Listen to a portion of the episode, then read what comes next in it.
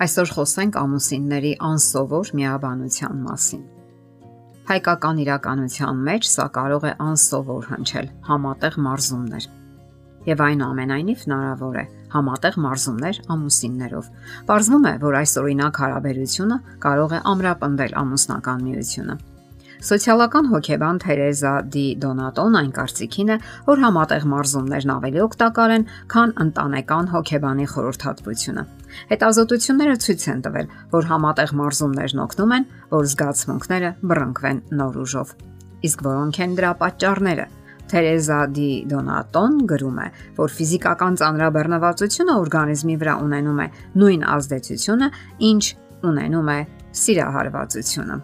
Դա հաճախացած պուլսն է, սրտխփոցը, անհավասարաչափ շնչառությունը եւ էնդորֆինների մեծ արտադրությունն ու հոսքը դեպի օրգանիզմ։ Ենթագիտակցական մակարդակում ամուսիններն անցալում են այդ դրսևորումները որպես սեռական հակման նշան, ինչն անկասկած դրական ազդեցություն է ունենում հարաբերությունների վրա։ Միությունն ամրապնդելու օկտին են աշխատում նաև ընդհանուր նպատակներն ու հետաքրքրությունները։ Այն է՝ նիհարել, ամուր կազմվածք ունենալ, գեղեցիկ կազմվածք ունենալ, միասին մարաթոն վազել եւ այլն։ Համատեղ մարզումներն ունեն այլ պատճառներ եւս, Դա միասին ժամանակ անցկացնելու հրաշալի հնարավորություն է, ընդ որում երանդուն ու հաճելի, որտեղ մեծ դեր ունի նաև կանոնավորությունը։ Դա նաև կանոնավորում է օրվա գրաֆիկը եւ քիչ է հավանականությունն այն բանի, որ դուք բաց կթողնեք պարապմունքը, քանի որ այդ դեպքում տուժում է նաև ձեր կողակիցը, իսկ դուք նրա աչքերին թուլամորտ կերևակ, որ կամքի ուժ չունեք։ Իսկ ինչ են ասում մասնագետները, որ մարզաձևերն են առավել հարմար զույգերի համար եւ ինչպես են կիրառվում դրանք գործնականում։ Մարզական ցանցերից մեկի մասնագետը գրում է. Մենապայքարի մարզումներին ընտանեկան զույգերն այնքան էլ հաճախ չեն գալիս։ Հաճախ պատահում է այնպես, որ սկզբում գալիս է ամուսինը, նրանից որոշ ժամանակ հետո կինը։ Նման համատեղ մարզումների մեջ բավականաչափ դրական բաներ կան։ Առաջին հերթին նրանք լիցքաթափում են բացասական էներգիան։ Երբ նրանք դահլիճում լիցքաթափում են բացասական էներգիան, այլևս ուժ ու երանգ չի մնում, որ տանը վերսկսեն կենցաղային հանդիմանություններն ու կամակորությունները կամ առավել եւս վիճաբանությունները մարզումները։ Հետաքրքիր իրավիճակ է ստեղծվում ագրեսիվ մարզաձևերով զբաղվելու ժամանակ։ Առաջին մարզումների ժամանակ ամուսինները ձեռք չեն բարձրացնում միմյանց վրա, սակայն աստիճանաբար անում են այն, ինչ չէին անի սովորական իրավիճակում եւ իհարկե թեթև մակարդակում ամեն ինչ լինում է առանց վնասվածքների ոչ մի ռիսկ անգամ չկա որ կողմերից մեկը կարող է վնասել մյուսին կամ վնասվածք ստանալ Ուշագրավ է նաև այն հանգամանքը, որ որոշ մարզաձևերում կողմերը կարող են օգնել միմյանց։ Օրինակ, դիմացկունություն պահանջող մարզաձևերի դեպքում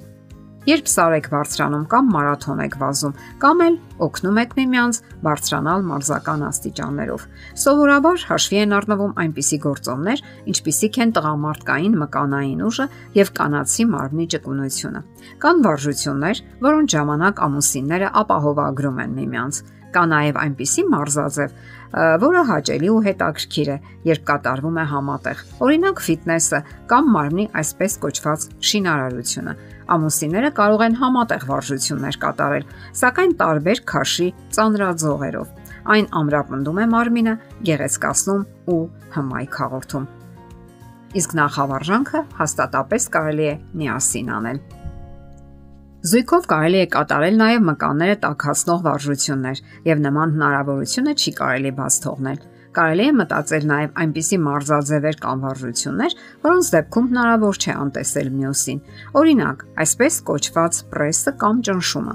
Ավելի ուժեղը, որը սովորաբար լինում է տղամարդը, ներքևից պահում է մյուսին, ով թեթևակի նստում է նրա մեջքին եւ դժվարացնում ու բարթացնում վարժությունը ինչ կարելի ասել առողջարարական վասկի կամ քալքի մասին։ Այս մարզաձևերում բավականին հեշտ է համատեղ մարզումներ անցկացնելը։ Դուք միասին առավոտյան կամ օրվա որևէ հարմար ժամի դուրս եք գալիս եւ թեթևակի նախավարժանքից հետո սկսում վազել։ Աշխատում եք պահպանել արագությունն ու տարածությունն այնպես, որ միասին վազեք։ Սակայն նաեւ հիմնախնդիր չէ, եթե կողմերից մեկը ցանկանում է ավելացնել արագությունը կամ տարածությունը Այս դեպքում այնպես է գծում ձեր երթուղին, որ կինը հատկապես կարողանա ավարտել վազքը կամ քայլքը հենց տան մոտակայքում։ իսկ մյուսը այդ դեպքում շարունակում է վասկը։ Նույնը վերաբերում է առողջարարական քայլքին։ Հասկանալի է, որ բերամբացների ու հետաքրքրասերների բանակը ապշահար կհետևի ձեզ եւ անգամ հետաքրքիր ակնարկներ կանի, սակայն դա բացարձակապես չպետք է հուզի ձեզ։ Համատեղ մարզումների ժամանակ կարևորվում է հուզական բավարարվածությունը։ Մեր օրերում ամուսինները ժամանակ չեն գտնում համատեղ շփումների համար։ Ամենօրյա վասկը անապազոր հացի համար կենսական պայքարը համարյա կանոնակարգում են ամուսինների ժամանակը եւ տեղ չի մնում հուզական շփումների ու լիցքաթափման համար։ Այս անսովոր միաբանությունը սկզբում դժվար կլինի կյանքի կոչել, սակայն եթե համառություն դրսևորեք եւ նպատակային առաջ շարժվեք, շատ արագ կզգաք դրական արդյունքները։ Եվ ամենակարևորը, կլինեք միաբան ամուսնական ուխտի մեջ։ Եթերում ընտանիք հաղորդաշարներ։ Հարցերի եւ առաջարկությունների համար զանգահարել 033 87 87 87 հեռախոսահամարով։